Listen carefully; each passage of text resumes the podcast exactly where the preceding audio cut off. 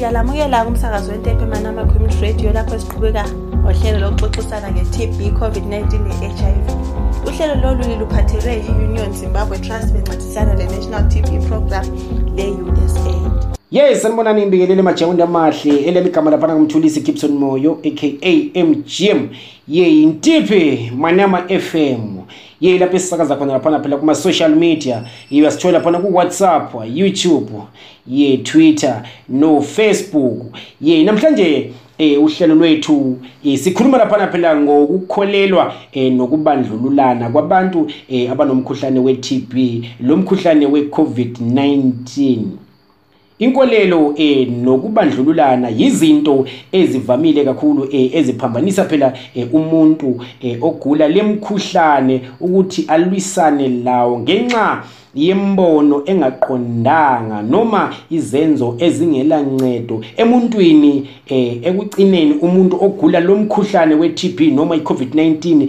azithole sengathi eh kasimuntu walutho eh kugcina kumenza engakwazi eh, ukwamukela phela kahle ukwelatshwa kwakhe. Sonke eh kumele eh, sitshengise uthando eh, lokwesekana kubantu abagula wonke. Umuntu angabanjwa ngumkhuhlane. So asikho isidingo sokubandlulula umuntu olomkhuhlane. Sikuntephe manama FM lapho sisakaza khona kuma social media. Qhubeka njalo ngohlelo lwethu. Izinto ezijwayele ukukholelwa ngabantu ikakhulu.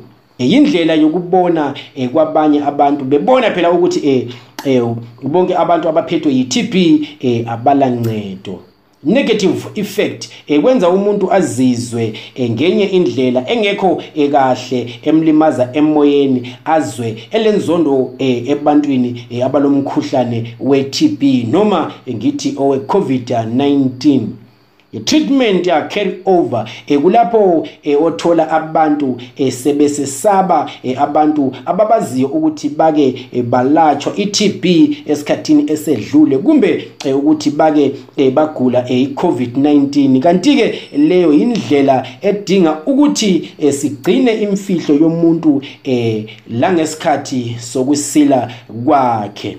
Khumbula mlayile khanja manje laphana ojanda amahle laphana sikwintephe manama ye-fm ye-disclose ya-carry over yilapho phela umuntu esesaba mhlawumbe ukutshela noma ukwazisa abanye ukuthi uke waba nomkhuhlane ukuthi abantu bazomphatha kanjani emphakathini.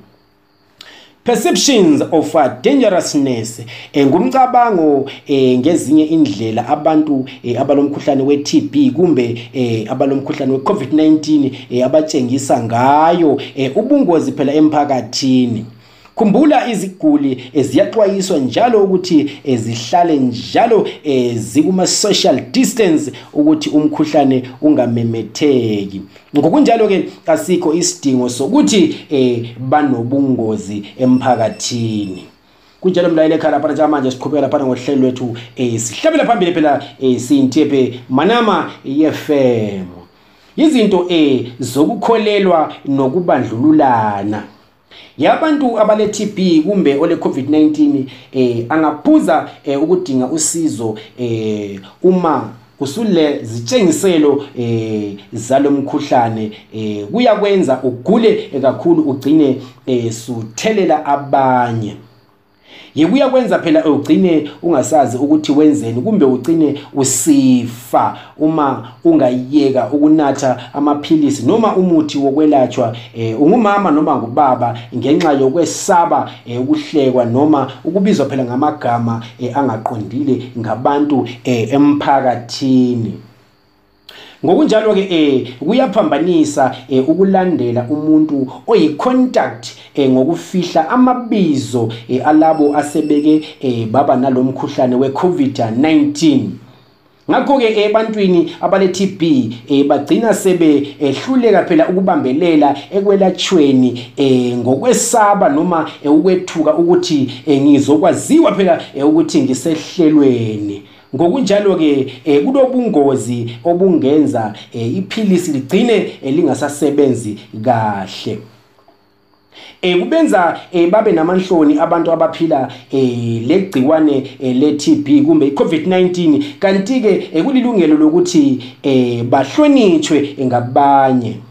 Kugcina futhi eh kubalimaza ikakhulu abantu eh, abaphethwe yile mkhuhlane ikakhulu uma sebezithola eh bese sebexoxa mhlambe eh, emzini yabo eh, emphakathini noma emsebenzini eh ukulahlekelwa phela. Yikho konke abalakho kungasekho eh akutholayo. Ukukholelwa eh, okunjalo eh akulimazi iziguli kuphela kodwa nabo phela e, abongikazi e, uqobo e, ngoba besuka besebenza ngokuzikhandla okwezinga phela eliphezulu.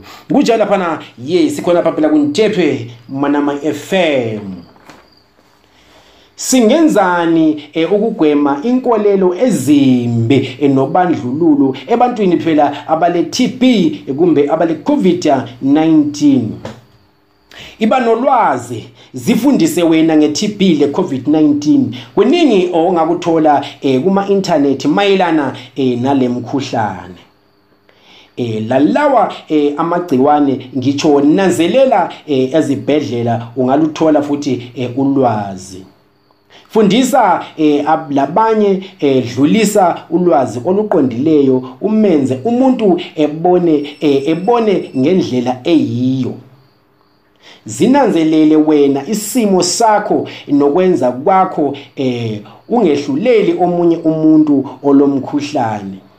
Akekho umuntu owacela ukuba nomkhuhlane. Igciwane selingabamba noma ngubani nawe eh, selingakubamba.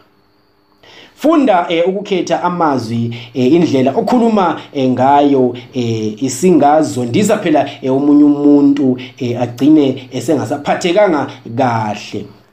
Asikhangeleleni izinto eziqondileyo eh, njalo nje. Khumbula iTB iyelapheka njalo eh, abantu bayasila noma eh, ungabanjwa yiCovid-19 asilike lelaneni njalo eh, phathaneni eh, ngokuzithoba eh, nangenhlonipho siqiniseni noma isimo sinjani. Asibeni ngobhudi nosisi. Umuntu uyasila noma egula iCovid-19 iTB iyahlolwa ezibhedlela. Zonke izibhedlela eZimbabwe ziyahlola iTB ukulatshwa iTB eh imahala iTB iyelapheka. Khumbula iTB leCovid-19 izitshengiselo ziphose zifane. Ngakho ke uma ungahlolwa iTB ingabonakali qhubeka uyehlola iCovid-19 yilokhu laphana ebesikuphathele khona mlayelo ekhaya njengamanje namhlanje laphana siyintiphe manama FM ungasilandela laphana kuma social media eh ku WhatsApp ku YouTube laphana ku Twitter ethi ntiphe manama FM ngisho no ku Facebook page uyasithola laphana. Ngithi danki ngibonge lokhu besikuphathele khona elangeni namhlanje uhlelo lethu silugqiba lapho namhlanje. Asihlangane ngolwesine ngesikhathi sika-6:30 ntambama. Uhlelo lolu liluphathelwa yi-union zimbabwe trust bencedisana le-national tb program le-usaid